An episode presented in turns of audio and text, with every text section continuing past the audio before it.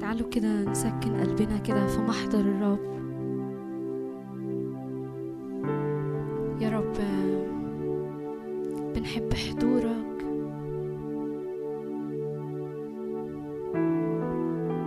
اخترت الوقوف على عتبة بيتك خير من السكنة في خيام الأشرار.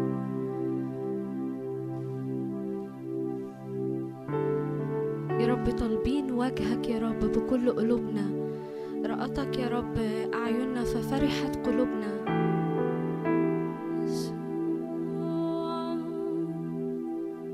وإحنا كده في روح الصلاة تعالوا نقرأ مع بعض مزمور 97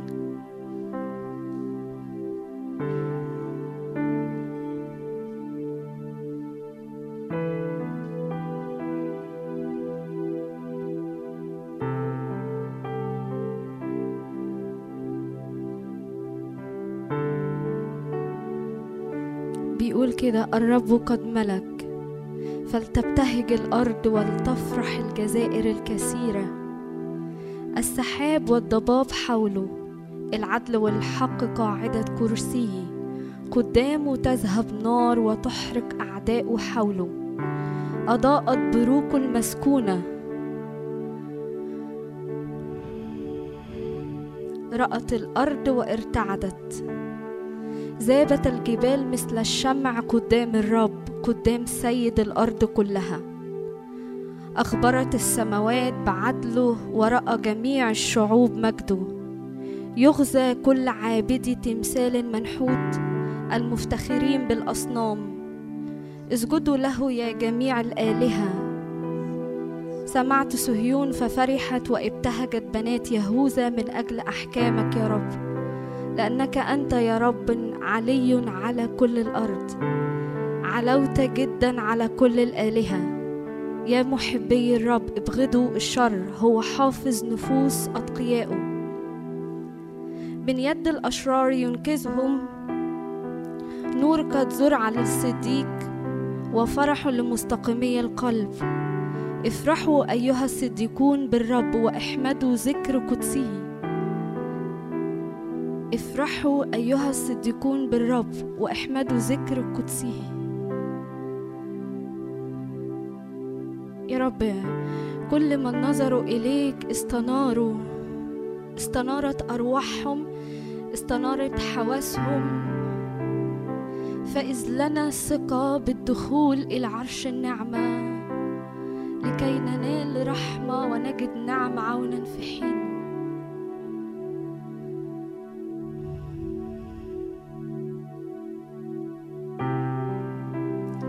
خد كل السيادة تعال خد كل السلطان.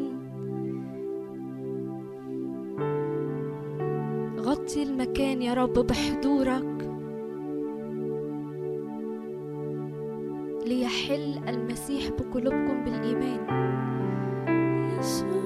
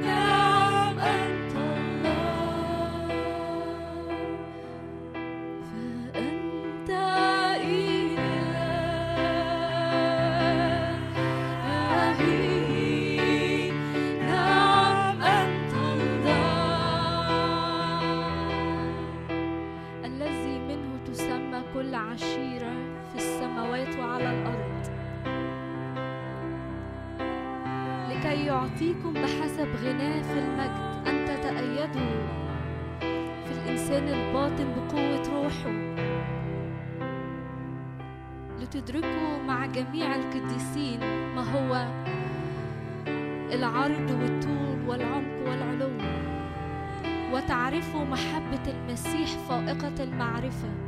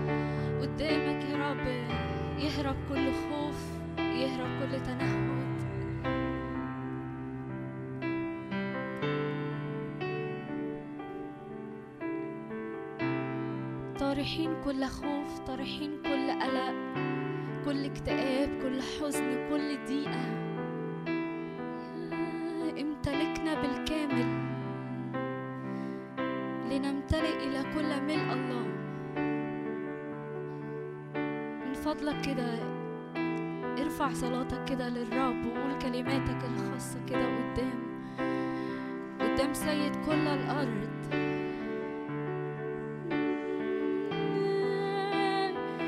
يا رب قدامك تتجدد قوتي. طارحين كل تقل طارحين كل هم. أي حاجة بتحاول تجذبنا للأرضيات يا رب يا رب بصلي كده بسمانة جديدة. يا رب في الروح تتلف أي نير من على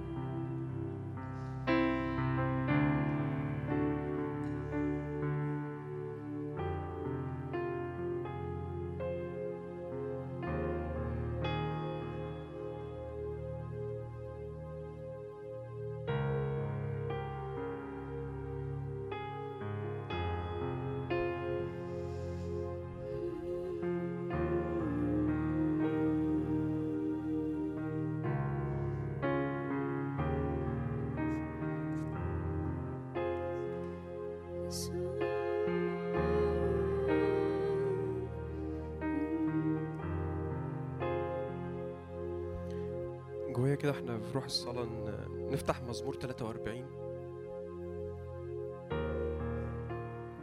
هنقرأ آخر آيتين بس منه.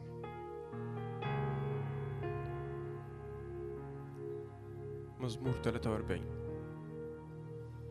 فآتي إلى مذبح الله إلى الله بهجة فرحي وأحمدك بالعود يا الله إلهي. لماذا أنت منحنية يا نفسي؟ ولماذا تأنين في؟ ترجي الله لأني بعد أحمده. خلاص وجهي وإلهي. كاتب المزمور بيقول طول ما أنا لسه فيها نفس وقادر إن أنا أعبد وأصلي. وبيكلم نفسه كده بيقول لها لا تنحني بل ترجي الله. ودي صلاتي لينا النهارده. كل انحناء جايين بيه كل تعب حتى النهارده المواصلات كلها زحمة وكلنا جايين منهكين من السكة. كل ده بنيجي نطرحه عند رجلين السيد. وبنطلب كده إن كل نفسيات متعبة كل نفسيات مجهدة كل حرب على الأبواب. لو سقطت الأعمدة ماذا يقول الصديق؟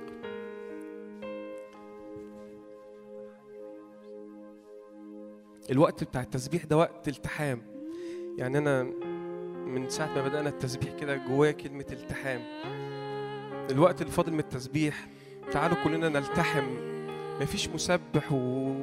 لا إحنا كلنا مسبحين وجايين نلتحم مع الحضور. تعالوا نقول مع بعض كلنا لا تنحني فيا يا نفسي.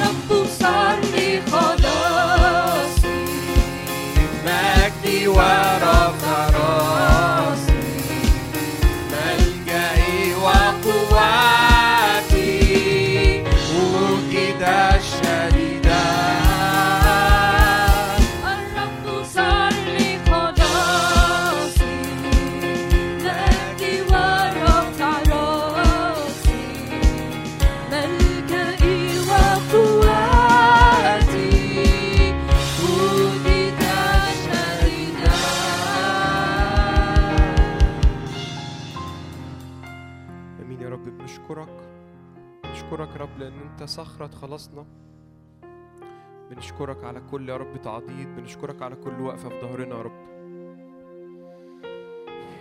آمين يا رب. بنطلب وجهك بنطلب حضورك يا رب. أنت تأتي الآن. سور نار يا رب حوالينا. سور نار يا رب يحمينا ويحفظنا. آمين. آمين. مساء الخير. مبسوط جدا أكون معاكم النهارده.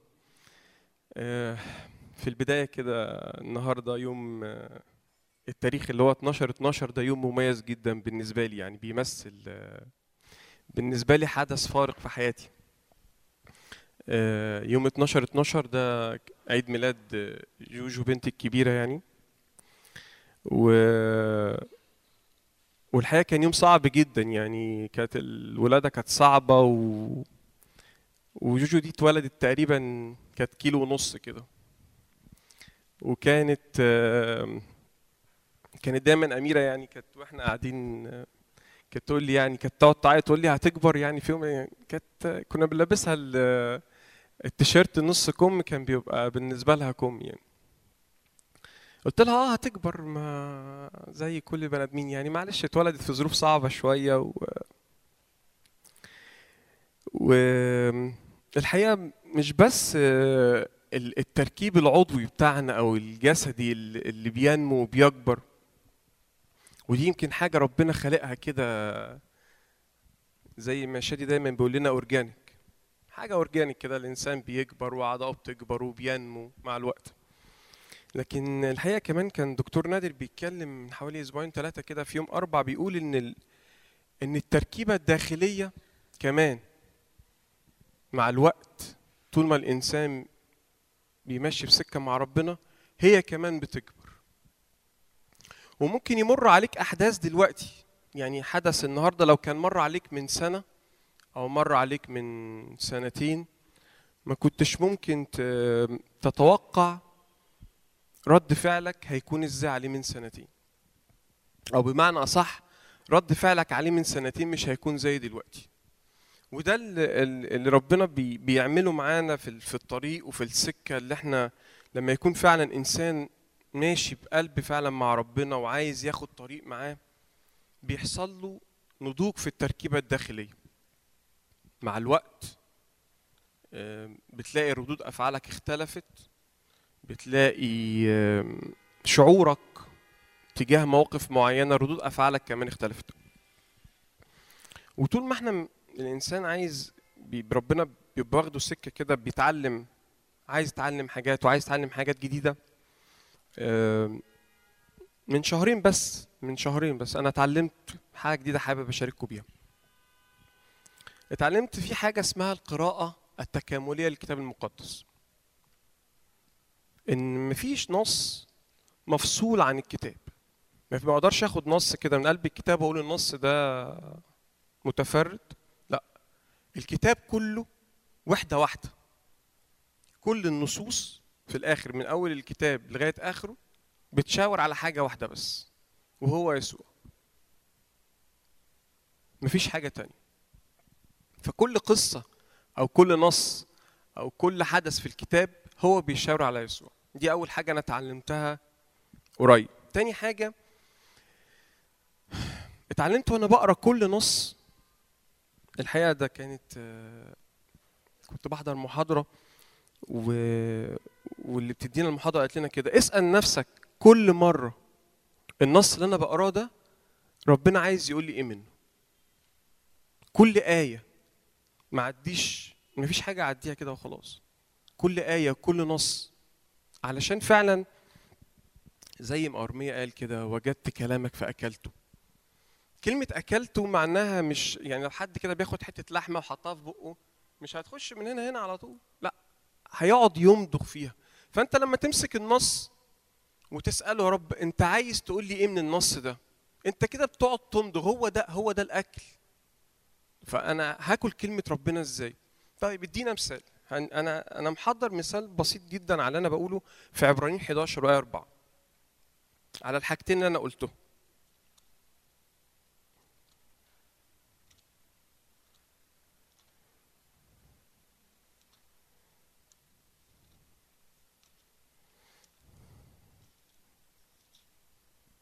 عبرين 11 وآية 4 بصوا هنا بيقول بالإيمان قدم هابيل لله ذبيحة أفضل من قايين فبه شهد له إنه بار. إذ شهد الله القرابين وبه وإنه مات ويتكلم بعد. أنا ممكن وأنا بقرأ نص زي ده؟ أمين. آه، هابيل ده كان راجل كويس جدا ويا حبيب أخوه أخوه راح جاي قتله ويا ده كان راجل كويس جدا. والقصة انتهت. لكن ما انت تيجي تسأل نفسك وتقف قدام الآية طب يا رب انت عايز تقول لي إيه من النص ده؟ ما هو أكيد النص ده مش موجود في الكتاب كده يعني أكيد ليه ليه مغزى. هتلاقي وإحنا وإحنا بنقرأ وإحنا بنقرأ الكتاب كده هتلاقي فوق في عبرانيين 11 طبعا اللي معاه كتاب شواهد هيلاقي فوق الآية 4 كده حرف الجيم. ممكن ترجع أنت هتلاقي مكتوب في تكوين. أبدأ أرجع في القصة أقرأ هابيل عمل إيه؟ برضه لسه يا رب أنا مش عارف. هتلاقي إن هابيل قدم ذبيحة قدم ذبيحة أفضل. وأبدأ أسأل نفسي طب يا رب يا ترى إيه الذبيحة اللي ممكن أكون أنا أقدمها علشان تشهد لي إني بار قدام ربنا؟ هل محتاج أقدم وقت قاعدة قدامه؟ محتاج أقدم محبة ذبيحة؟ محتاج أقدم صلاة؟ ذبيحة محتاج أقرأ أكتر ذبيحة. يا ما أنا ما أكيد الآية بتقول حاجة. أكيد الآية دي بتشاور لي أنا على حاجة. محتاج أقدم أنا عندي تعلق مثلا إن أنا خايف من بكرة وخايف على الفلوس. فهل يا رب أنت محتاج إن أنا أقدم ذبيحة أكتر فلوس؟ ما هي دي يمكن تكون الحاجة العائق اللي ما بيني وبينه. هل يا رب أنا بمسك الموبايل أوقات طويلة محتاج أقضي أيام ما بمسكش الموبايل ويكون دي الذبيحة اللي ربنا عايزني اقدمها فكل مرة أنا لما بمسك النصوص زي ديت ما, ما ينفعش تعدي عليا وأعديها. في نفس في عبرانيين. في عبرانيين برضو 11 وآية 8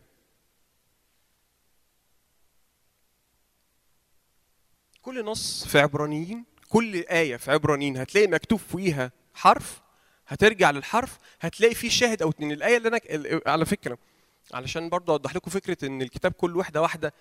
الآية الأولانية بتاعت هابيل دي هتلاقيها موجودة في تكوين وموجودة في رسالة يوحنا الأولى.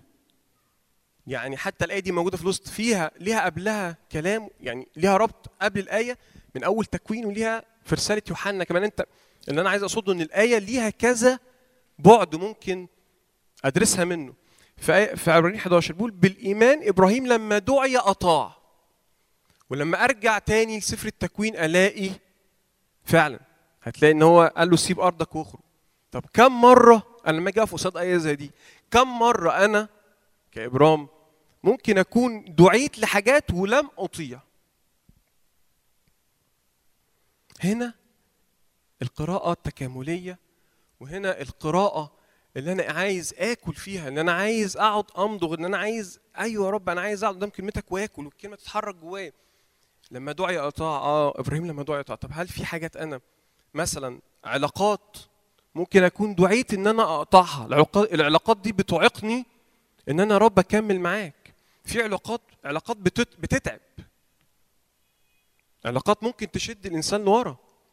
واحد صديقه مجموعة هو مرتبط بأصدقاء واخدين كل يوم ينزلوا يقعدوا ثلاث أربع ساعات على القهوة هو هم مش غلط إن إحنا طبعا يكون ليك أصدقاء وده إحنا كلنا يعني كده وبنحب نقعد ننزل نقعد.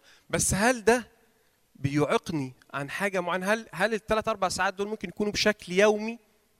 هل ممكن أقضي في علاقة معينة تليفون بالساعات ياخدني في ساعات ويستنزفني ويستنزف مشاعري ويست... هل أنا دعيت لحاجات أتركها لا يعلمها إلا قلبي أنا. دعيت إن أنا في محبة مال جوايا أترك الموضوع ده؟ هل دعيت إن أنا الكتاب بيقول لي في, الرؤيا بيقول له اعرف من أين سقطت وقم وارجع لمحبتك الأولى؟ هل دعيت إن أنا أرجع لمحبتي الأولى؟ هي هي هو ده أنا يعني ده في رأيي الشخصي إن هو ده وجدت كلامك فأكلته. بعد قدام النص طب يا رب انت عايز تقول لي إيه؟ عايز تكلمني في إيه؟ اقعد آكل واجيب من التكوين واشوف الآية دي الشاهد بتاعها فين؟ واخش على تفسيرات وابدأ أجيب الكلمات. في كلمة بتتردد جوايا أبدأ أخش على المعنى باليوناني. طب باليوناني دي كان قصدها إيه؟ على فكرة ده متاح للكل مش مش مش شرط تكون في كلية لاهوت علشان تقعد تدرس و... لا ده حاجات بسيطة جدا متاحة لينا كلنا. فدول حاجتين كنت حابب أشارككم بيهم قبل ما ندخل في المشاركة. هي باسم يسوع مشاركة صغيرة. المشاركة من شاهد واحد من متى 15 آية 21 لآية 28 حوالي سبع آيات بيتكلموا عن حادثة معينة حصلت في الكتاب. بس وأنا وأنا بقرأ وأنا بقرأ النص ده عايزكم تركزوا معايا في علامات الترقيم. ممكن؟ النقطة والفاصلة وعلامة التعجب والحكاية دي. فرقت معايا جدا. نفسي قوي نفسي قوي كده أحضر اجتماع هنا في التلات وألاقي 30 كتاب مقدس مفتوحين وبنعلم وبنكتب مع بعض. ده رجاء فيا يعني. أمين ربنا. يعني. بيقول إيه ثم خرج يسوع من هناك. بصوا بقى النص ده أنا بقالي حوالي شهر بدرس فيه. سمعت حوالي ثمان عظات أبونا متى أبونا أرميا بولس وأسيس أمريكي اسمه جويل وجبت التفاسير بتاعته. من كتر ما أنا عايز أفهم القصة دي عايزة تعمل إيه. كلمة كلمة كده ثم خرج يسوع من هناك وانصرف إلى نواحي سور وصيداء. وجيت وقفت عند سور وصيداء دي أبونا متى قال فيها جزء جزء غريب جدا أنا كنت أول مرة أعرف بس هنحكي يعني. وإذا امرأة كنعانية بص بص الكتاب بيوصف حاجة غريبة جدا. وإذا امرأة كنعانية طب ما تقول لي وإذا امرأة خارجة من تلك التخوم ليه تقول لي كنعانية؟ وإذا امرأة كنعانية خارجة من تلك التخوم صرخت إليه ارحمني يا سيد يا ابن داوود ابنتي مجنونة جدا. في ترجمة تانية هتلاقي مكتوب كده ارحمني يا سيد يا ابن داود وحاطط علامة تعجب. لو في كده لو حد معاه البايبل اللي هو في في في في الموبايل هيلاقي مكتوب كده. هتلاقي بعد ارحمني يا سيد يا ابن داود علامة تعجب. ابنتي معذبة جدا يسكنها شيطان. الآية اللي بعدها بشو ثم خرج فين؟ فلم بصوا بصوا خلي بالكم صدقوني المقطع ده غريب جدا. فلم يجبها بكلمة. فتقدم تلاميذه وطلب إليه قائلين اصرفها لأنها تصيح وراءنا. رد فعل متوقع ولا غير متوقع من التلاميذ؟ ماشي. فأجاب بص بقى هنا يسوع خلي بالكم يسوع هنا بيكلم مين؟ في إجابة ديت لما تيجي ترجع للنصوص هتلاقي إيه؟ في إجابة يسوع بيكلم التلاميذ. بيقول لهم إيه؟ في إجابة لم أرسل إلا لخراف بيت إسرائيل الضاله هتلاقوا بعد في شاهد في شاهد في متى 10 عشان نطلعه في شاهد في متى 10 يسوع يسوع بيقول لهم إيه؟ اذهبوا بالحري إلى خراف بيت إسرائيل الضاله يعني يسوع قبل كده في متى 10 قال لهم قبل, قال لهم قبل كده روحوا بشروا خراف إسرائيل الضاله وخلي بالكم قوي خلي بالكم ده عايز درس كلمة كلمة خلي بالكم من كلمة خراف لأن في بعد كده هيذكر لنا حيوان تاني. فأتت وسجدت له قائلة يا سيد أعني. فأجاب ليس حسنا أن يؤخذ خبز البنين ويطرح للكلاب. بقى عندنا هنا نوعين خراف وكلاب. فقالت نعم يا سيد والكلاب أيضا تأكل من الفتات الذي يسقط من مائدة أربابها حينئذ حينئذ. قال يسوع لها يا امرأة عظيم إيمانك ليكن لك كما تريدين. فشفيت ابنتها من تلك الساعة. كلمة شفيت لما نرجع للترجمات كده هنلاقيها مكتوب كده was made whole يعني تم ابرائها بالكامل. نفس وروح وجسد في اللحظة دي. وإحنا ماشيين كده في السكة مع ربنا يا ترى لو حطينا كده مقياس كده زي مقياس ريختر كده وكل واحد حط نفسه تقييم أو قيم نفسه في الإيمان اللي هو ماشي فيه ورا ربنا. يدي لنفسه كام من عشرة؟ لما تراجع كده تاريخك وتراجع مواقفك وتراجع انت كنت في حاجات أنا كنت ممكن اتصرف فيها احسن. عدم ايمان طلع في الجزء ده. أقدر أنا وفي حاجة بقى ان كل واحد قادر هو اللي يقيم ايمانه. تقدر تحط نفسك كام من عشرة؟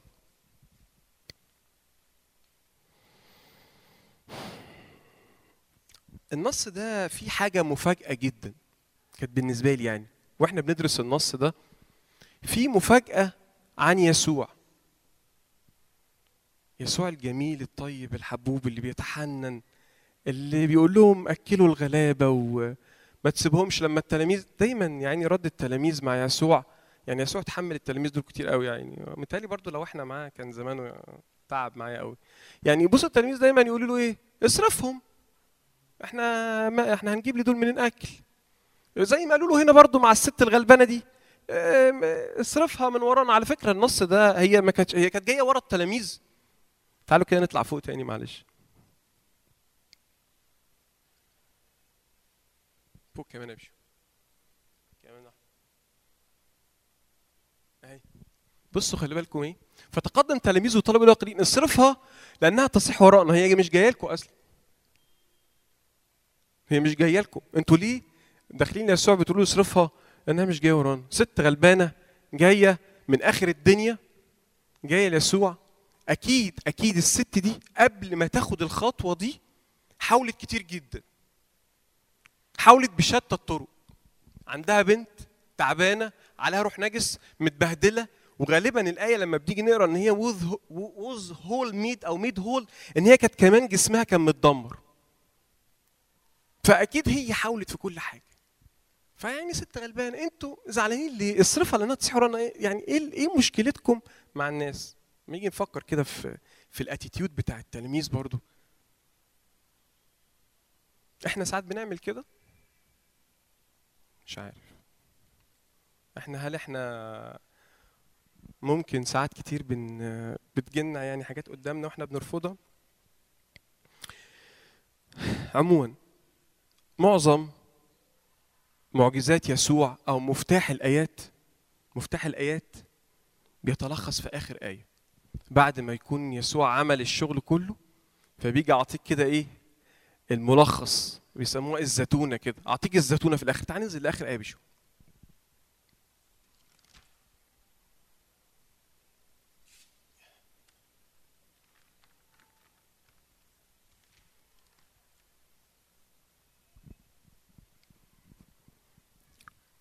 حينئذ قال يسوع لها يا امرأة عظيم إيمانك ليكن لك كما تريدين. فشفيت ابنتها من تلك الساعة. وخلوا بالكم قوي أستأذنكم خلوا بالكم من النقطة آخر نقطة في الآية. فشفيت ابنتها من تلك الساعة. هل النقط مهمة في الكتاب المقدس؟ بالنسبة لي دي من أهم النقط أنا كإبرام اللي قابلتها في الكتاب المقدس. من أهم النقط. اللي ممكن أتعرض لها في قراءتي للكتاب. معلش يا مش هتعبك هنطلع تاني فوق. بصوا بقى الكتاب أو متى متى بيوصف المرأة دي وصف ومرقس بيوصفها وصف تاني. متى بيقول إيه؟ ال- ال- الحادثة دي ذكرت في انجيلين إنجيل متى؟ وإنجيل مرقس فبيقول إيه بقى؟ وإذ امرأة كنعانية. حد فاكر كنعان ده كانت إيه قصته؟ عشان تعرفوا بس إن إن إن الك- الكتاب المقدس كل كلمة مكتوبة بميزان من ذهب. ميزان من ذهب. ده دي جاية من نسل كان نوح نعل لعنه. نسل كنعان ده نسل ملعون. فاكرين الحادثة لما نوح سكر و وبعدين كان عنده كان حفيده فتقريبا الولد شاف جده سكران و... وبعدين راح قال لعمامه أو راح لباباه وعمامه راحوا جايبين ال... راحوا راجعين بظهرهم. فلما نوح تاني يوم فاق قال له ملعون كنعان ستصير عبد العبيد أخو... يعني ده جاية. بصوا دي إيه؟ امرأة كنعانية. دي أول كلمة أول كلمة كده إيه نستشفها كده. الست دي جاية من نسل أساسا نسل ملعون. ملوش أساسا خالص ملوش ولا بركة ولا ليه إن هو يدخل أساسا لمحضر السيد ويطلب بركة. خارجة من تلك التخوم. ممكن الآية اللي بعدها اللي قبلها بشوية بعد أيوه. بصوا بقى بيقول لك إيه خارجة من تلك التخوم. إيه هي تلك التخوم اللي أساسا المرأة دي جاية منها؟ أهو اللي يسوع بيتكلم عليه. ثم خرج يسوع من هناك وانصرف إلى نواحي السور وصيدا. طب إيه أنا؟ هو إحنا بندرس فيزياء ولا كيمياء ولا بندرس جغرافيا؟ أنا مالي جاية منين؟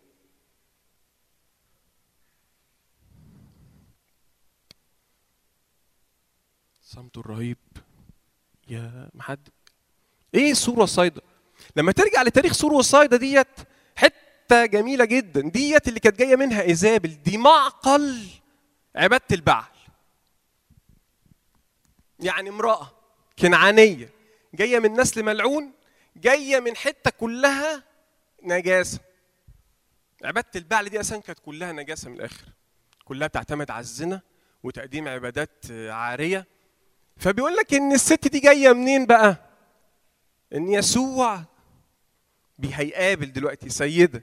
جاية من نسل ملعون جاية من منطقة كلها عبادات نجسه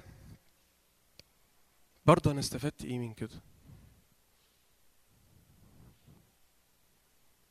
أكيد الست دي أكيد. هو الكتاب ما ذكرش كده لكن أكيد السيدة دي أو المرأة دي قبل ما تيجي ليسوع عملت كل حاجة وقدمت كل عبادة وكل وراحت للآلهة ديت وقدمت وع- و- بكل نجاستها وبكل شرورها ما عايزة تنقذ بنتها. فأرجو إن تكون خلفية المرأة دي وصلت لكم. مرأة جاية من نسل ملعون جاية من منطقة كلها عبادات وثنية جاية تقابل يسوع. دي أول حاجة. تعالوا بقى إيه ندرس مع بعض ثلاث نقط كده بسرعة. في آية 23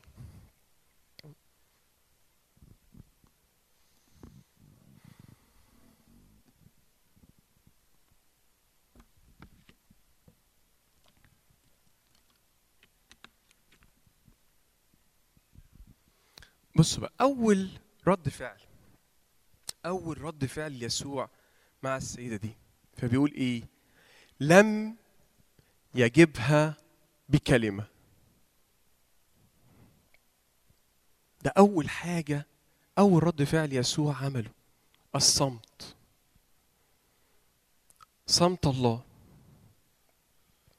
وساعات كتيرة في صلواتنا في صلواتنا بنتقابل مع صمت الله.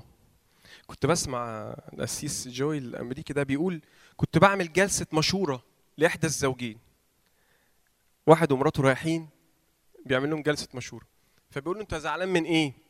قال له بقالها أسبوع بتخانق معاها. أه بتخانق معاها ليه؟ قال له مش دي المشكلة. إن بقالها أسبوع ما بتردش عليا. هي ساكتة تماما. ولا بتقول لي يا زعلانة من إيه؟ ولا بتقول لي حتى ربنا يسامحك؟ ولا بتقول لي منك لله؟ ما بتقولش حاجة خالص. ساكتة. قد إيه إن الجزء بتاع صمت الله ده بيبقى أكتر أجزاء متعبة بتمر في حياة المؤمن. صمت. وللأسف إن إحنا ما عندناش تعليم كتير عن صمت الله. إحنا عندنا تعليم آه، إنك تقف وتعلن وتشرع وناس كتيرة تقف وتقول لك اعلن وشرع وخد اللي ليك. خد اللي ليك في المسيح انت ليك رخاء انت ليك صحة انت ليك انت ليك انت ليك انت ليك. ففلنفرض إن أنا وقفت سنة بصلي الامر ما. بصلي لابن بصلي لزوج بصلي لزوجة بصلي البلد بصلي الاجتماع بصلي الارتباط بصلي الشغل وقعدت سنة واتنين وتلاتة ومش لاقي إجابة. يا ترى رد فعلي هيكون عامل إزاي؟ ده أول رد فعل يسوع. يبدو يبدو إن يسوع صمت كان ساكت. ده أول رد فعل. تاني رد فعل في آية 24 نقول يسوع بقى بيقول لهم إيه؟ بيقول للتلاميذ إيه؟ أنتوا مش عارفين إن أنا جاي علشان خراف اسرائيل ضاله هي هم دخلوا قالوا له ماشي الست اللي بره دي دوشتنا. قال لهم هو أنتوا مش عارفين إن أنا جاي لمين؟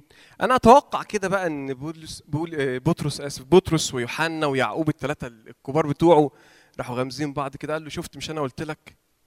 الست اللي بره دي ملهاش مكان معانا. إحنا كنا بنتكلم صح إحنا عارفين إن هي ملهاش أصلا حاجة جوه. ملهاش معانا مكان.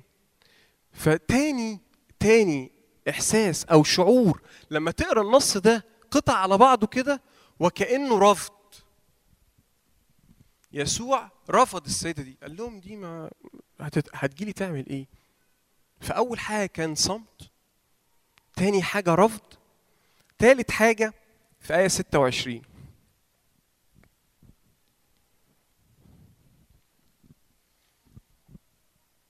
فأجاب ليس حسن أن يؤخذ خبز البنين ويطرح للكلاب. إيه رأيكم بقى في الآية ديت؟ سيدة قطع مشوار يمكن أميال وصلت أخيرا أخيرا وصلت ليسوع. فيسوع يقول لها إيه؟ يا ستي الكلام ده اللي أنا بقوله ما ينفعش ليكي أنتم كلاب. فأول حاجة صمت تاني حاجة رفض تالت حاجة إهانة. ويبدو إن يعني الآية كده بتقول إن يبدو إن يسوع أهانها. ليها تعبير تاني؟ آه بيقول لها أنا أنا ال- اللي جاي أقوله مش ليكم. كنت بسمع أربون أبونا أرميا بولس بيقول بيقول في الحتة دي إن في التلمود التلمود الإسرائيلي كده مكتوب مكتوب نص كده بيقول لك أول حاجة خلق الله إسرائيل بص بصوا بصوا ال- اليهود بيبصوا إزاي لنفسهم؟ بيقول لي خلق الله إسرائيل خراف لعبادته وخلق الأمم كلاب لخدمة إسرائيل. وش كده ما فيهاش ما بي يعني ما النص واضح وصريح هو بيقول لك كده. أمال اليهود عندهم كده إحنا خراف ودول كلاب جايين ي... ما فيش يعني ما فيهاش طيب أنا عايزكم بقى وإحنا وإحنا بنبص للنص كده برضو من ضمن الحاجات اللي اتعلمتها وبقترحها على حضراتكم. وايماني إن أنتوا تستفيدوا بيها جغرافيا الكتاب المقدس خرايط الكتاب المقدس كنت بسمع شرح لسفر الخروج والاساس اللي كان بيشرح لنا بيقول عدم معرفتك بجغرافيا الكتاب المقدس يفقدك نص معنى الكتاب المقدس. طيب إحنا بنقول أي كلام يا كريستينا؟ لا هنقول دلوقتي إذنك يا بيشو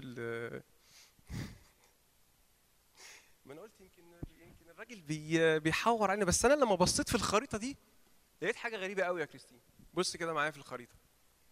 ممكن نكبرها شوية ولا مش هينفع بص يسوع في النص ده لما ترجع له النص قبل الآية دي بالظبط يسوع كان في الحتة اللي هي ما بين مجدل وجينازارت دي الحتة اللي هي في عند بحر الجليل. يسوع كان موجود في الحتة دي. أمين؟ شوفوا بقى يسوع اتحرك راح فين. يسوع طلع من هنا راح للسور فوق. بعد إذنك باشا ممكن السهم السهم ده عاجبني قوي بعد إذنك نعرض السهم تاني. بص يسوع طالع من هنا رايح لسور وصيدا الحركة دي مش مش عشوائية. خدمة يسوع في الأرض ما كانتش عشوائية. أنا أنا واحد من الناس ما كنت بحسب إن إيه يسوع طالع من هنا من دمنهور رايح إسكندرية طالع من إسكندرية رايح بورسعيد ورايح يعني حسب الخريطة كده. بياخدهم بلد بلد بلد بلد. طلع لا إن يسوع مش ماشي كده. يسوع طلع من هنا خد المشوار ده كله راح للسور والصيدا ليه يا رب؟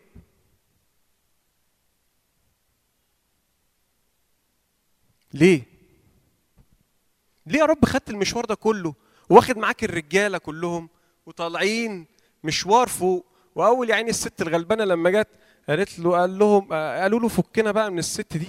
عمالة تصرخ ورانا وجعت دماغنا وعملت لنا مشاكل. بس بصوا يسوع بيعمل إيه؟ وأتاري أتاري إن يسوع وهو طالع لسور وصيدا الكتاب بيقول لك إن الست ديت جت إلى التخوم نزلت. هي جاية من كنعان فوق من الحته بتاع السوره السوداء ديت قابلته على الحدود. هو يسوع هنا زي كده كأن إحنا يسوع رايح طالع من اسكندرية راح لغاية السلوم. والست جاية من بني غازي رايحة السلوم. ويتضح لينا إن مش هي اللي راح تقابل يسوع. الخريطة بتقول كده عادل. مش أنا اللي بقول. الخريطة اللي بتقول كده.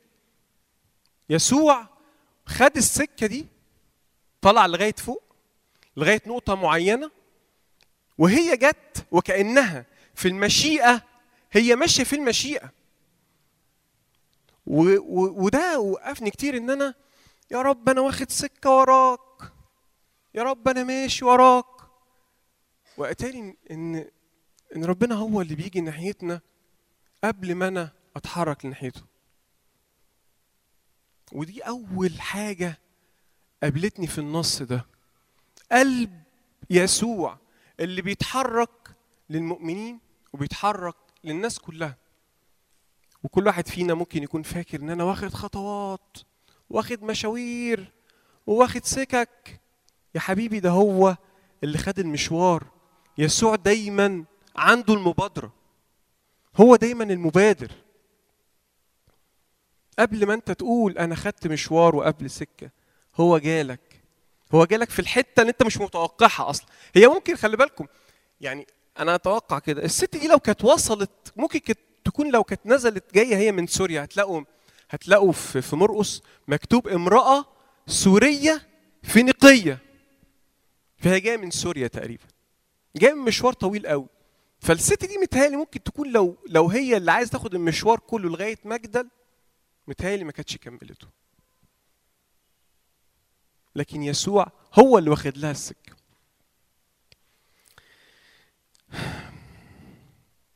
المرأة دي جت وحطت كل رجاء وإيمان في يسوع المسيح. والغريبة النص ده بي النص ده بيوضح لنا حاجة غريبة جدا. إن الست دي تحدت المشوار. وتحدت اللي حواليها. أكيد الست دي وهي طالعة هو الكتاب بيقول لنا إن هي سابت بنتها. ممكن تكون سابت بنتها دي راحت لجارتها وقالت لها إيه خلي بالك من بنتي. فالست بتقول لها أنت رايحة فين؟ قالت لها رايحة أنا سمعت إن في واحد اسمه يسوع. كل ما حد بيروح له أعمى آه، ما بيسمعش. في روح شريرة بيخاف. فالست تقول لها أنت مجنونة. بس ده مش من الآلهة بتاعتنا. ده مش من منطقتنا. ده مش من ثقافتنا. انت بتعملي إيه؟ تقول لها أنا مش مهم كل ده عندي. أنا عندي ايمان ان الراجل ده هيشفي لي بنتي. فالمرأة ديت مش مش مش قصة عادية. اي نعم يا ست سبع آيات موجودين في الكتاب لكن دي قصة إيمان ورجاء وتحدي ومشقة.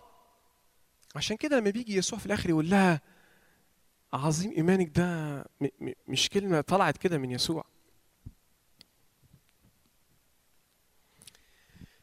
ممكن ننزل في آية 22 بصوا بقى الست الغريبة دي ست عجيبة جدا. الست ديت هنقول تاني بقى امرأة كنعانية جاية من سور وصيدا عندها عبادات أممية عبادات نجسة جاية بتقول إيه؟ إذ امرأة كنعانية خارجة من تلك التخوم. بصوا بقى الصرخة بتاعتها. الصرخة بتاعتها كانت بتقول إيه؟ مش ممكن يعني أنتوا أنتوا ال- الآية هنا مش كانت ممكن تقول له ارحمني يا يسوع الناصري. هو كان معروف عنه على فكرة يسوع الناصري. لكن هي الندى بتاعها ندى غريب قوي عليه. أنا سايبكم فرط دقيقتين تتأملوا بس ارحمني يا سيدة.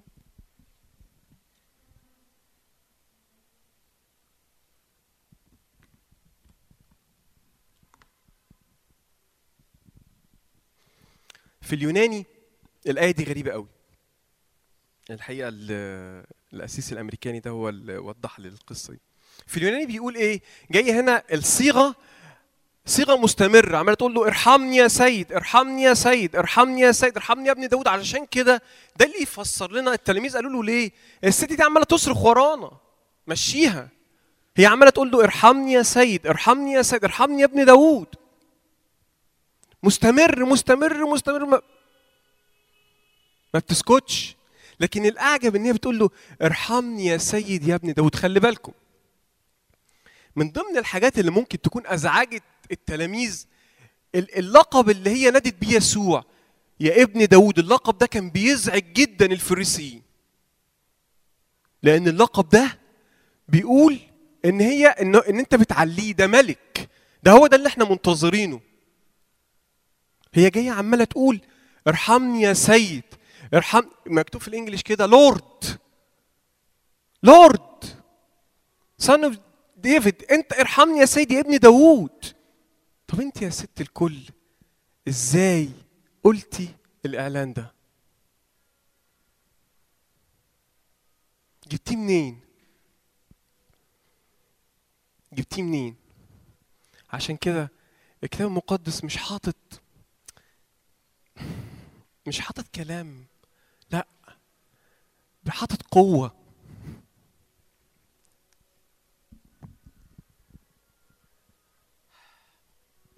بتقول له ارحمني يا سيدي يا ابن داود ارحمني. بتعلن إن هو ملك هي بترفعه هي عمالة ترفع فيه. بتقول له أنت الملك أنت السيد ارحمني وعني لكن في كلمة هنا ابنتي مجنونة جدا. بيسموه كده عند لما first issue إيه المتطلب الأول اللي هي عايزاه؟ ابنتي مجنونة جدا. بس في حاجة غريبة جدا في المعجزات اللي يسوع عملها مع الآباء اللي جايين عايزين شفاء لاولادهم كان دايما يسوع بيتعامل الأول مع الأب ومع الأم شخصيا. هو المعجزة هتحصل. بس أنا عايزك أنت. فبيقول إيه؟ بتقول ارحمني يا سيد يا ابن داود.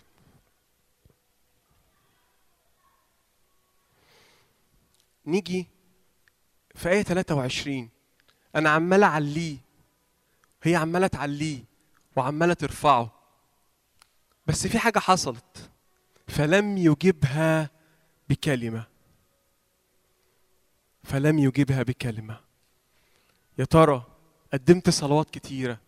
وقدمت عبادات كتيرة ورفعته وسبحت ورفعت إيدي ورحت مؤتمرات وبصلي من أجل حاجة معينة. بس الحاجة دي ما حصلش فيها استجابة. هعمل إيه؟ هل المرأة دي لو ما كانش عندها إيمان كافي كانت خلاص كانت اكتفت بالكلمة لم يجي بقى بالكلمة خلاص. أنا عملت اللي عليا وجيت لغاية عندك وقدمت لك كل حاجة وبرفعك وبعليك. خلاص. خدت بعضها ورجعت. لكنها لم تدر ظهرها للإيمان. لم تدر ظهرها للرب يسوع.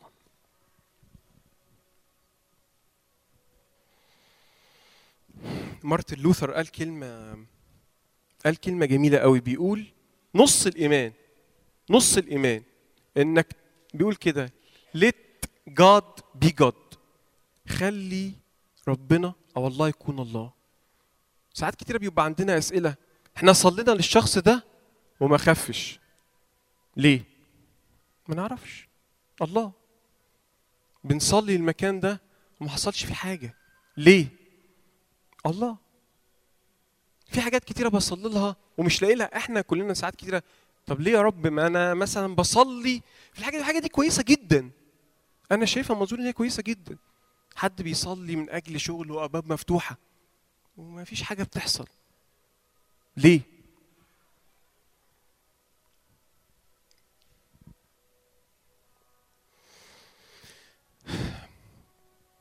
في خريطة تانية هوريها لكم.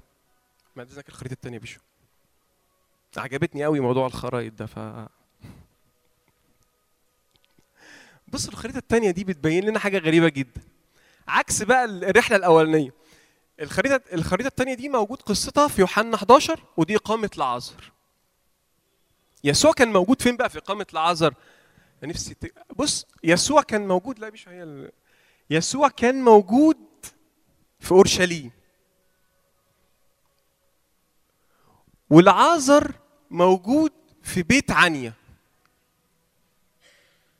لما راحوا قالوا له لعازر حبيبك تعبان تعالى الحق الدنيا هتبوظ لعازر بيموت وبيخلص. هتلاقي إن يسوع صمت وأقام في المنطقة يومين. عارفين إن دخلت على لما تعمل سيرش على النت كده تلاقي المسافة ما بين أورشليم وبيت عنيا ديت كام كيلو؟ 10 كيلو. عارفين المسافة من المنشية وسيدي بشر كام كيلو؟ 16 كيلو. يسوع كان بينه وبين العازر تقريبا ساعة ونص ماشي ساعتين ماشي. لو حد كده إيه جايب كيس لب وماشي على البحر كده ممكن ياخد من محطة رمل سيدي بشر في إيه ساعة ونص؟ ساعتين ماشي. يسوع كان بينه وبين العازر ساعتين مشي 10 كيلو. مكتوب كده لما تخشوا على النت دوروا 6 ميل. الميل بكيلو وربع. ممكن يكون كمان أقل من 10 كيلو. وسكت. صمت. لكن لما تيجي تفكر كده هو إيه اللي كان ممكن يمجد يسوع أكتر؟ إن هو يروح يشفي. واحد تعبان وإن يقيم ميت بقى له أربع أيام. يسوع ياخد المجد فين أكتر؟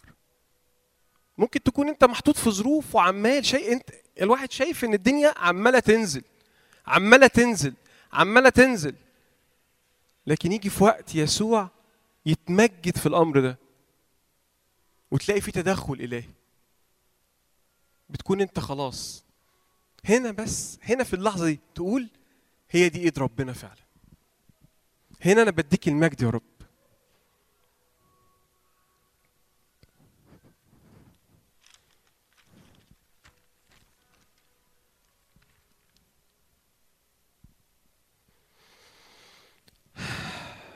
ممكن بقى نرجع لآية 24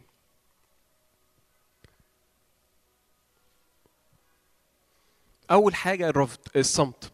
تاني حاجة فأجاب لم أرسل إلى. إلا لخراف بيت إسرائيل الضالة تاني حاجة الرفض.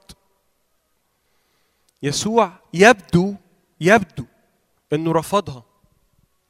مش دي؟ ال- النص ما بيقولش كده. أو أو النهاية لما تيجي تشوف ال background بتاع الخلفية. لكن لكن النص بيقول إيه؟ رفض. طيب خلاص هم خدوا الكلمة من يسوع. أتوقع كده إن يعقوب مثلا الكبير يعقوب ده الكبير بتاعهم اللي دايما بيتصدر في الموقف طلع قال لها يا ستي خلاص إحنا قلنا لك يسوع مش هيقابلك. يسوع مش هيقابلك. كان ممكن يكون رد فعلها إيه؟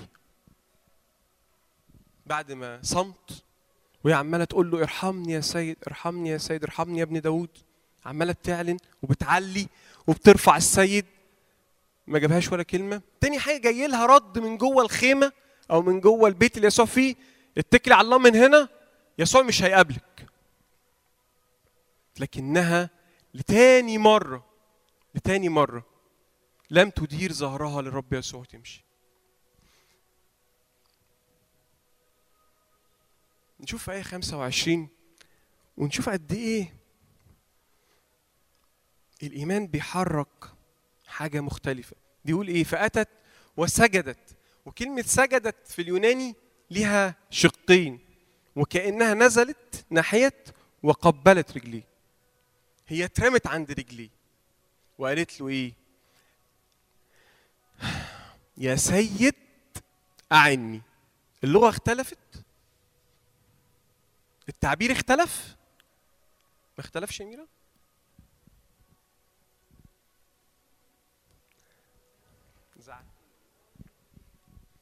هي كانت في الأول جاية إيه؟ إيه ال first issue اللي إحنا قلنا عليه؟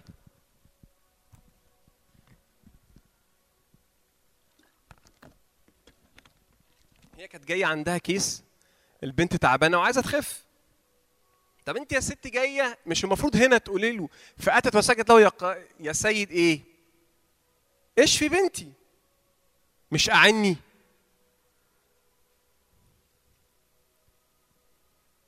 وده ال هي دي يمكن السكة اللي إحنا بنقول إحنا ماشيين سكة. ممكن أكون أنا مرتبط بحاجات هي ديت هدفي مع ربنا. أو أنا بصلي لحاجات معينة تحصل في حياتي. يا رب أنا عايز الدعوة اللي على حياتي تتم يا رب أنا عايز الدعوة. يا رب أنا عايز الخدمة. يا رب. ربنا يقول لك يا حبيبي اصبر. أنا عايزك أنت الأول. أنت الأول. تعالى. في حاجات لازم تتصلح جواك. فجت وقالت له يا سيد أعني. تالت حاجة اللي, اللي يسوع عملها فأجاب ليس حسن أن يؤخذ خبز البنين ويطرح للكلاب. إهانة. يبدو يبدو. خلي بالكم من كلمة يبدو. إن يسوع وجه لها إهانة. لكن الآية اللي بعديها توضح لنا ليه كده. كان زمان أيام في, في الوقت بتاع اليهود ده كان ممنوع اليهود يربوا كلاب في البيت. حتى لو حد شاف تشوزن كده واخدين بالكم كان متى يقول لك عنده كلب كده كان أبوه يقول له خليه بره البيت. ممنوع الكلاب هم الكلاب بالنسبة لهم نجسة. فجت قالت له إيه؟ الايه اللي بعدها.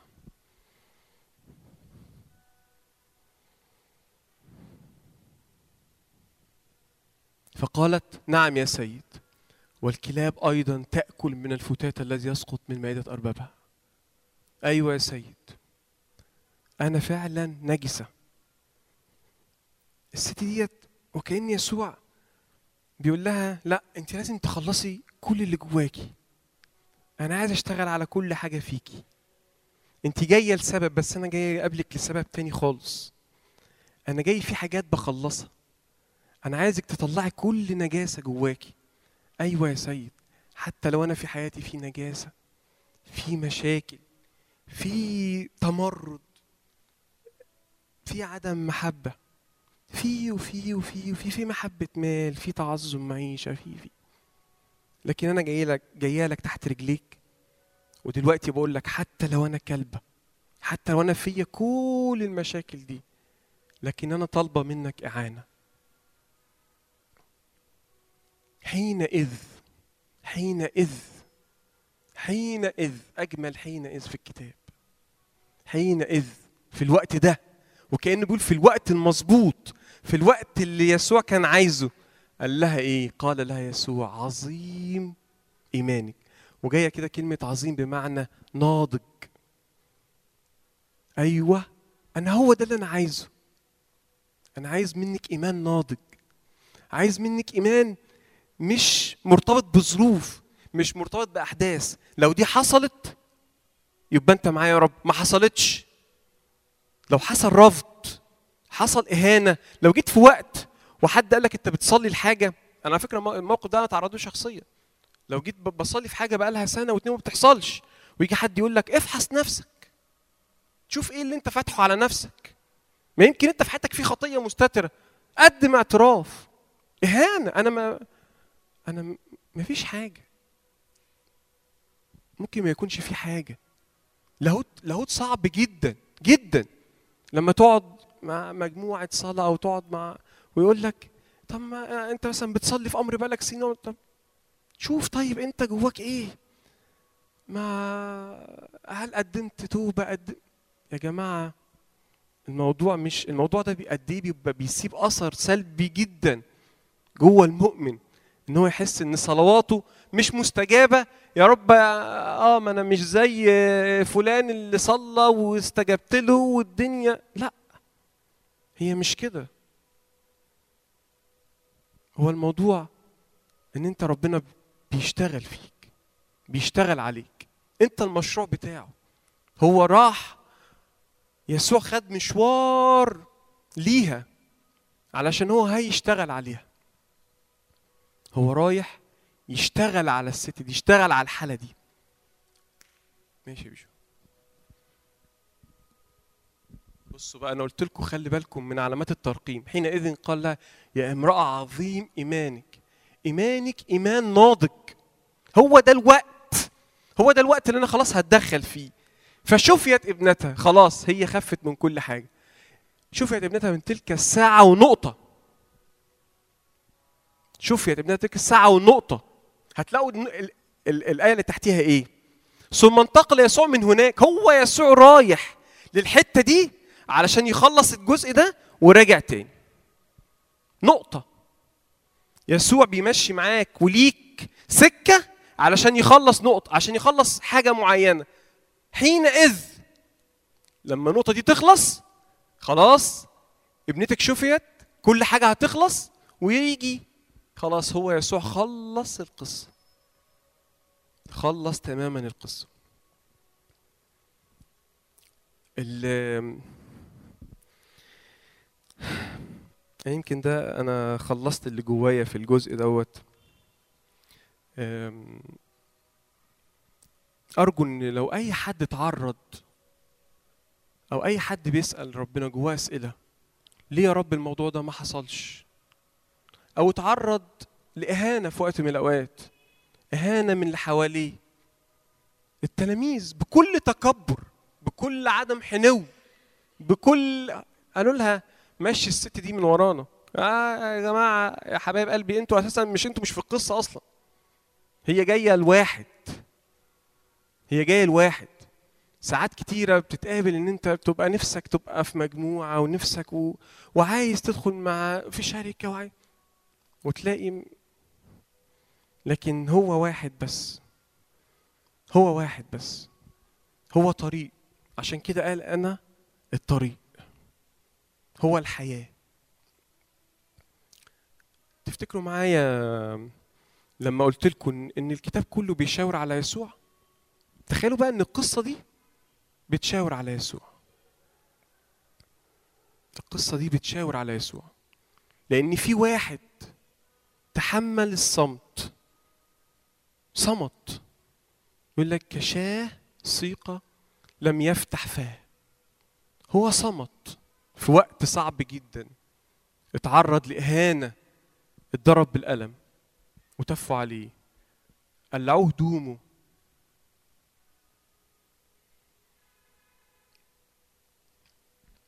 اتعرض لصمت. ورفض. اترفض. اترفض من كل اللي حواليه. حتى التلاميذ بتاعه اللي كانوا اللي لسه بنحكي بنقول إن هم قالوا لها قالوا له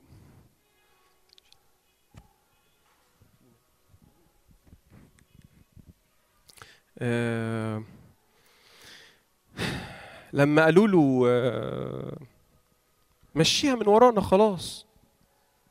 يعني هم أنتوا المفروض ان أنتوا جزء منه. حتى في في الجزء في الوقت الصعب بتاعه سابوه. هو يسوع الوحيد اللي تحمل الصمت وتحمل الرفض وتحمل الإهانة. ولما مشى في الطريق في طريق الجلجسة مشى لوحده. علشان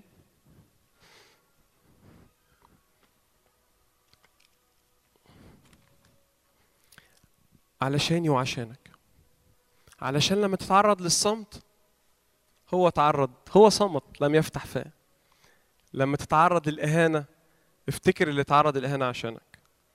ولما اترفض لما تترفض من اللي حواليك لما تترفض من من مجتمع من أي حاجة سيدك اترفض قبلك. صلاتي إن إحنا الوقت الجاي ربنا ياخدنا كلنا في قراءة مختلفة للنص. قراءة تقدر تطلع لنا كنوز وانت قاعد قصاد الكتاب. ومجرد نص بسيط. تاخده وتبدأ تاكل فيه. ويقول لك وجدت كلامك فأكلته. وجدت كلامك فأكلته. لما تشوف النص ده وتقراه من مرقس وتقرا بعد كده ترجع تاني تشوف سور وصيدا وكان فيها إيه وتبدأ تقلب وتقلب. وربنا يتكلم معاك آمين. تعالوا نصلي مع بعض دقايق وننهي الاجتماع. كان عادل عادل كان كلمنا عن الصليب في في في اجتماعين جمال جدا و والحقيقة الترنيمة ديت يعني تكملة لل- للقصة وتكملة لسلسلة الصليب اللي عادل خدنا فيها.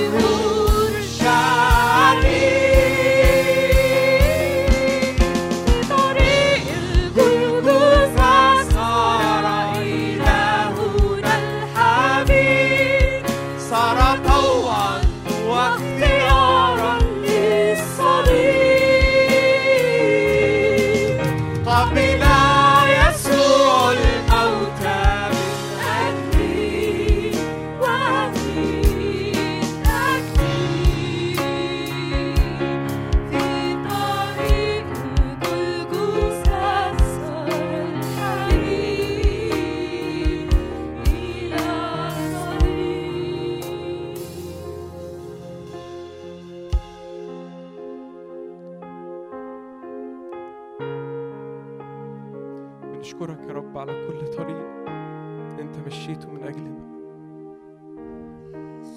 ونحن الغير مستحقين يا رب.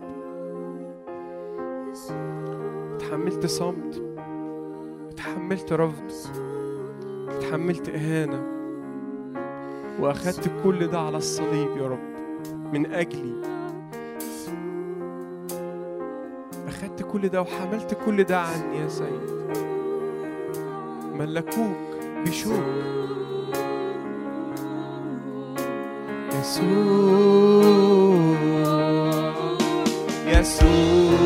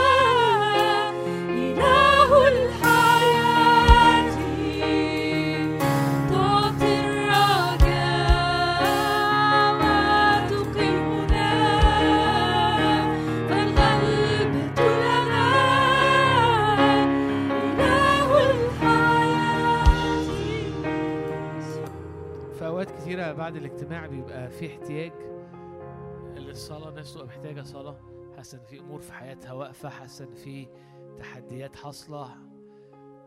فبتبقى بتطلب صلاة بوضع اليد. النهاردة أنا حاسس إن إحنا مش هنصلي مش عشان مفيش وقت مش عشان مش هنصلي مع بعض بوضع اليد لكن لكن هنصلي مع بعض وهن- وهنقف مع بعض عشان كل تحدي عشان كل إعاقة عشان كل مقاومة.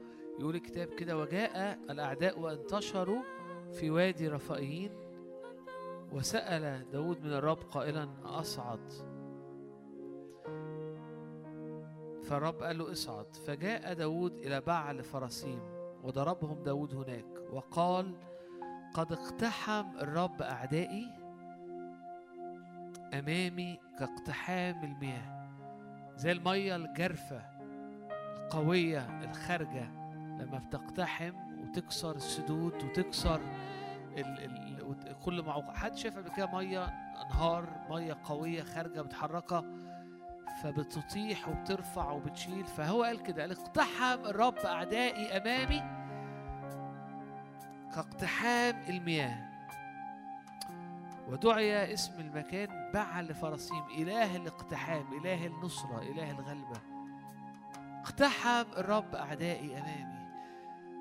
الرب القوي الرب كالمياه الكثيرة يخرج أمامنا يقتحم أعدائنا يمهد الأرض.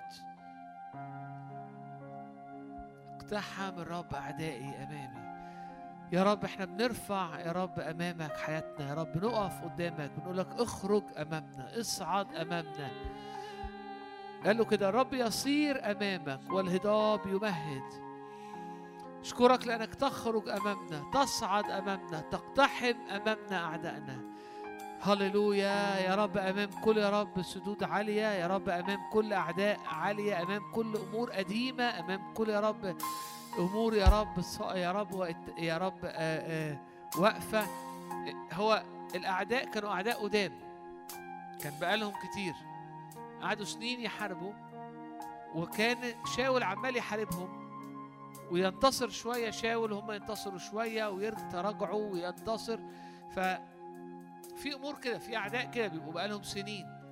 يقول الكتاب إنه في منطقة قوية خرج داوود وانتصر. ويقولوا إنه طرقوا آلهتهم هناك. و و وأخذ الآلهة دي داوود و وشعب رب وحرقوا الآلهة.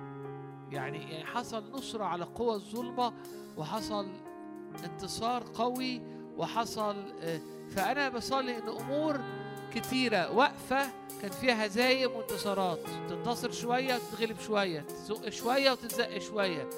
قول يا رب يا رب اخرج أمامي النهارده يا رب وفي الوقت ده إحنا بنصلي بنقف عشان أمور يا رب تقتحمها أمامنا. يا رب كاقتحام المياه يا رب تصعد أمامنا. الهضاب تمهد يا رب تهزم أعدائنا في بعل فرسيم يا رب في إله ال- الهزيمة يا إله النصرة إله الغلبة.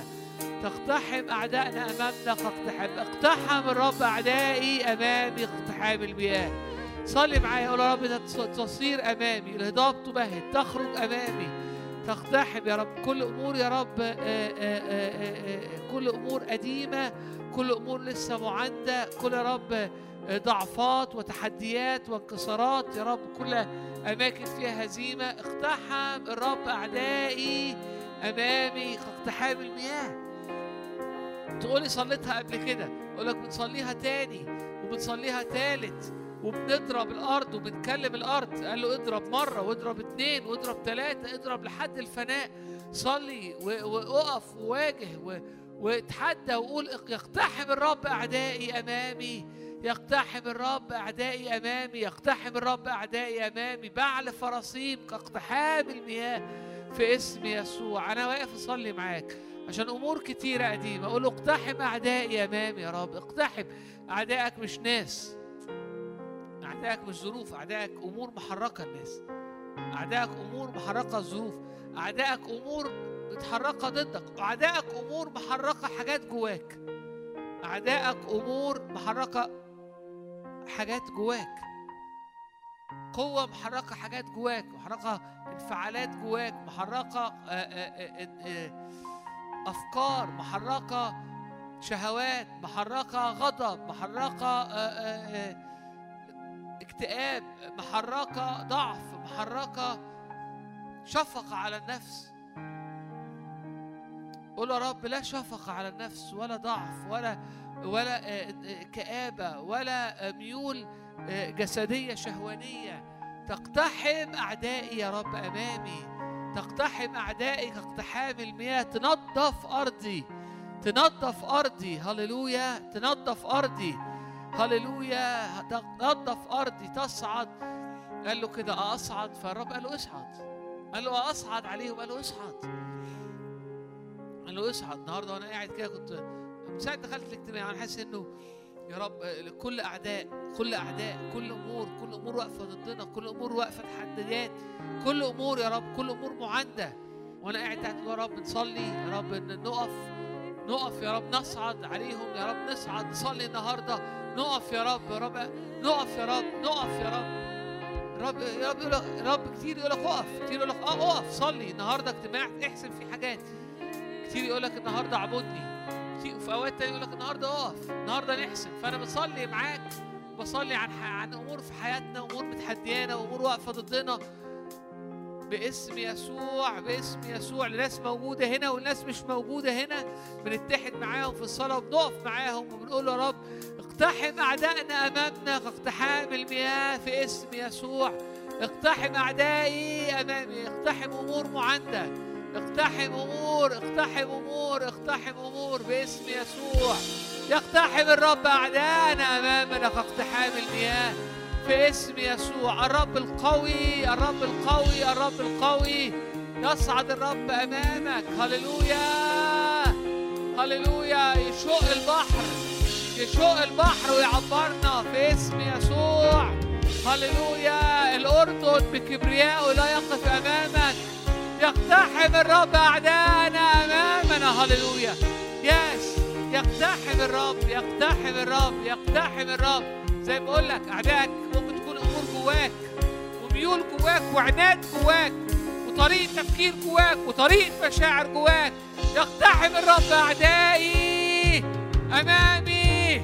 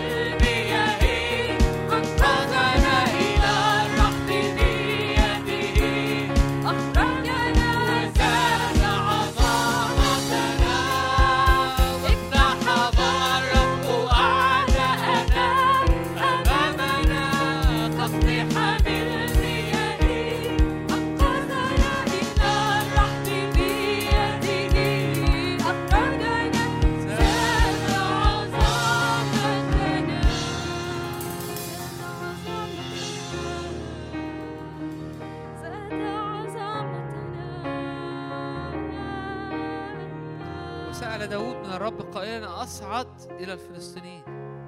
أتدفعهم ليدي؟ فقال الرب اصعد. فجاء داود والعدد كان قليل قوي مع داود. العدد لما تدرس العدد كان قليل بالمقارنة. والمواجهة كانت قوية بالمقارنة. فالعيان كان كان قوي. ولكن الاختبار كان كده. جاء داود إلى بعل فرسيم وضربهم هناك. وقال ده الإعلان اللي كان جواه.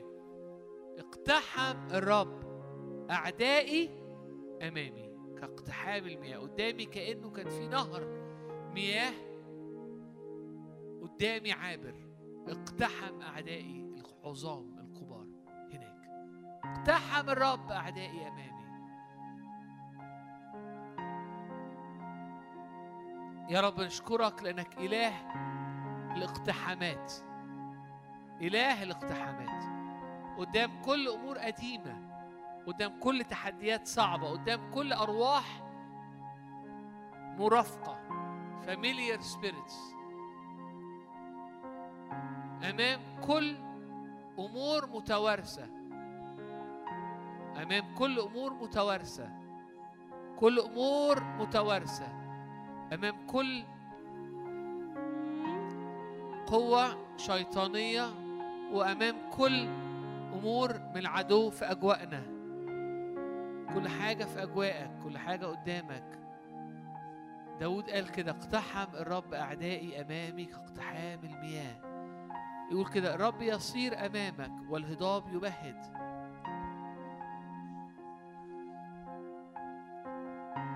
صلي ضد كل أمور واقفة كل أمور من العدو كل تكتلات من العدو كل مؤامرات من العدو. الرب يقتحم أعدائنا كاقتحام المياه. كل أمور بتحاربك كل أمور ضعيف أنت فيها كل تحديات كل مخاوف كل تركيبة جواك فيها خوف فيها آه، آه، آه، في أركان ضعيفة عندك. قول له كده يا رب أنت تقوي الحتت الضعيفة عندي. مش بس كده تقتحم أعدائي تقتحم تقتحم كل تكتلات بيعملها العدو عشان يغذي مناطق الضعف عندي. تقتحم أعدائي فيها. أمامي.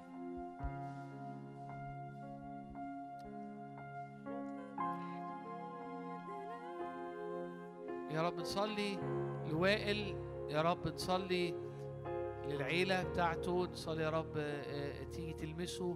يا رب نصلي تقتحم أعدائه أمامه يا رب في اسم يسوع. بنصلي يا رب اقتحامات يا رب بنصلي يا رب اختراقات بنصلي يا رب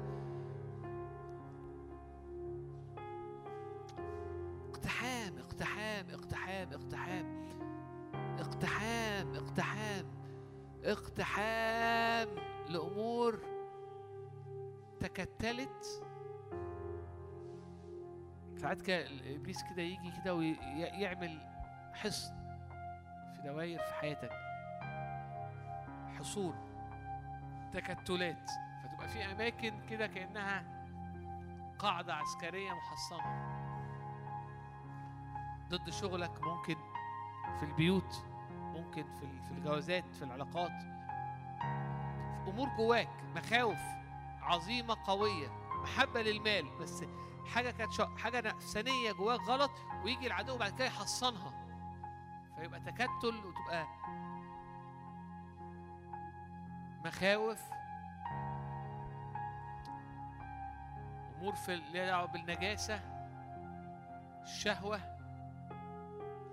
محبة مال. امور ليها دعوة ب ب ب ب.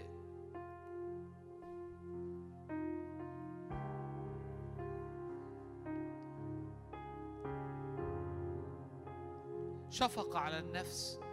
دايما بص على نفسك دايما حاسسك مظلوم دايما حاسس إنك غلبان دايما حاسس إن أنت ما خدتش حقك.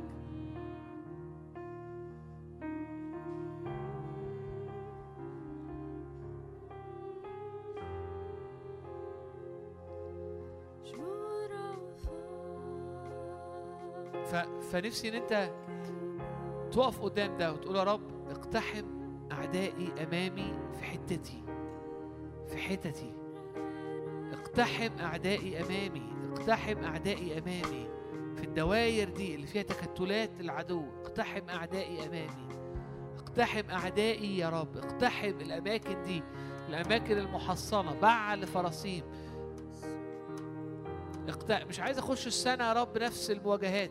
هي عايز العدو لما يرجع تكون آلهته محروقة فتبقى المواجهات سهلة. مش هقول لك إن مش هتحس بنفس احاسيس تاني مش هقول لك إنه هيحاول مش هيحاول مش هيرجع تاني مش هقول لك إنك ه... هيأتي العدو بس هيكون بلا آلهة لأنه أخذ الآلهة وحرقوها. والعدو تراجع عشرات الخطوات خلفه اقتحم الرب أعدائه كاقتحام المياه. فقول يا رب كده عايز انتصار النهارده عايز اقتحام النهارده عايز يا رب آه، تصعد أمامي النهارده. يا رب فيا رب آه، يحصل تدمير ويحصل ضعف يا رب في هذه الحصون في هذه يا رب في في هذه التكتلات.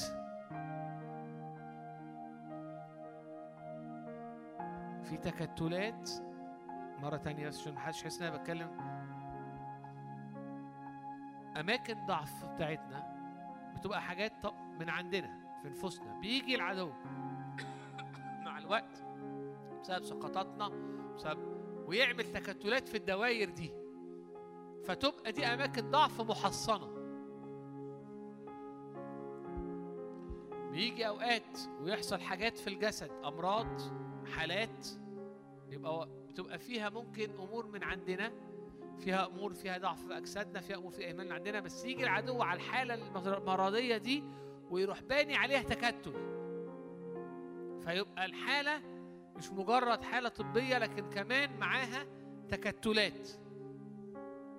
بيجي على دوائر علاقات قديمة سقطات قديمة ومش بس بتبقى حاجة قديمة لكن حواليها كمان هو باني معقل تكتل.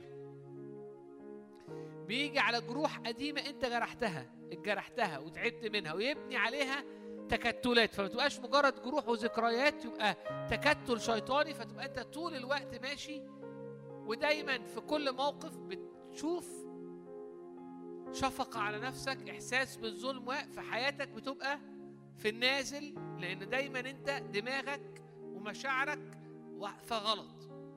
مش بس عشان مش وتسمع وعظة واتنين عن صغر النفس أو عن الشفقة على الذات وزي غلط لكن أنت مش عارف تكسر ده لأنه بقى فيه تكتل. اللي أنا شاعر بيه إنه قبل دخول السنة إن الرب يقتحم أعدائك أمامك فالنقط المحصنة تتهدم. فلما ترجع تسترجع ذكريات معينة بسهولة ما تقعش في بسهولة ما تقعش تقدر ترفض بسهولة الشفقة على النفس نفسك لما تفتكر الذكريات القديمة والعلاقات القديمة تقدر تقف قصادها بسهولة ما تبقاش ذكريات أو حاجات قديمة وراها تحصينات أنت مش عارف تخترقها. لما تتحارب بميول معينة بأمور معينة بأفكار معينة بمشاهد معينة ما تبقاش في تكتلات فأنت مش قادر تخترقها. فالمشاهد دي بانس جت لازم تنتصر عليك. لا. آلهتهم محروقة لأن اقتحم الرب أعدائك أمامك وتركوا آلهتهم وأنت حرقت آلهتهم. فلما بيرجعوا بيرجعوا بلا قوة. ففضل داود بعد كده قوي. ما نقراش على داود إنه رجع تاني. وحصل هزيمة. شاول كان يحصل انتصار على فلسطين ويرجع هزيمة. أو يرجع ياخدوا أراضي. لكن مع داود لا. مع داود حصل انتصار وفضل مكمل. لأن الآلهة اتحرقت. التكتلات اتضربت. قبل ما أجي كنت عند واقف في المستشفى. كنت عمال اصلي. هناخد وقت. مش هيقودنا نصلي مع بعض دلوقتي بس أنا نفسي انه كمان شعرت وأنا هنا من اول الاجتماع وأنا حاسس انه يوم في حسم أو في موقعة للانتصار على أماكن تكتل فيها العدو. أمين؟ خلينا نصلي مع بعض تاني. اقف اقف تاني معايا كده دقايق. قبل ما ادي الميكروفون لميش اقف معايا دقايق.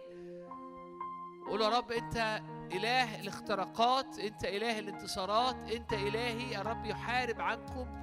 أشكرك لأنك انت الإله اللي خرجت الشعب بأرض بيد قوية وذراع ممدودة. يا رب انت يا رب اللي أخرجته من مصر وانت يا رب اللي شقيت البحر وانت اللي عبرته.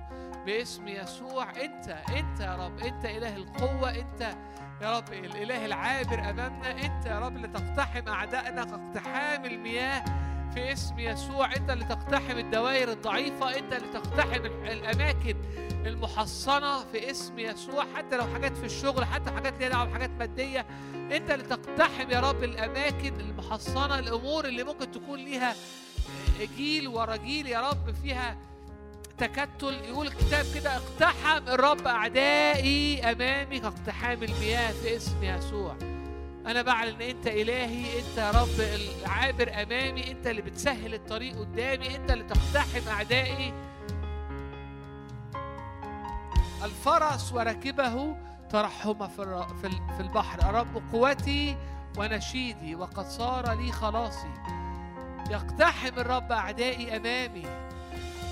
قول له يا رب كده اقتحم. انت قول له بقى انت صلي صلي انت صلي انت.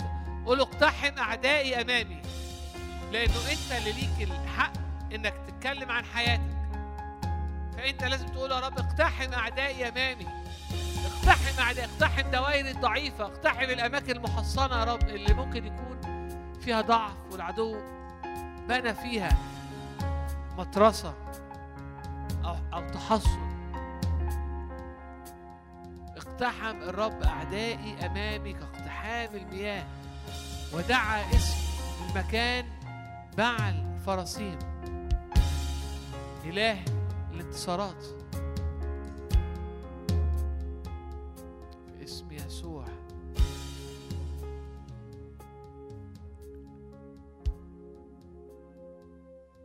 قيادة يا رب. انتصارات يا رب تدون يا رب تدون في حياتنا في تاريخنا يا رب الروحي انتصارات. لما يرجع تاني يهاجمك العدو تعرف إنه إنه بلا مطرسة إنه بلا تحصين. يعني لما ترجع تاني الحتة الضعيفة دي تطلع براسها هي النهارده ما وراهاش تحصينات قوية. فتقدر أنت بسهولة تزقها لورا لأنه في موقعة حسمت. في آلهة اتحرقت. في تعضيد في نتورك كسرت فضلوا موجودين الأعداء. فضلت المملكة دي موجودة. لكن لا تزعج داود تاني. مش بالقوة دي مفيش انزعاجات. ليه؟ لأنه لأنه لأنه حصل حصل انتصار في بعل فرسيم وحصل كسر لتعضيدات وتحصينات العدو. باسم يسوع باسم يسوع تقتحم أعدائنا يا رب. فيهرب العدو في سبعة طرق وتحرق يا رب تحصيلاته في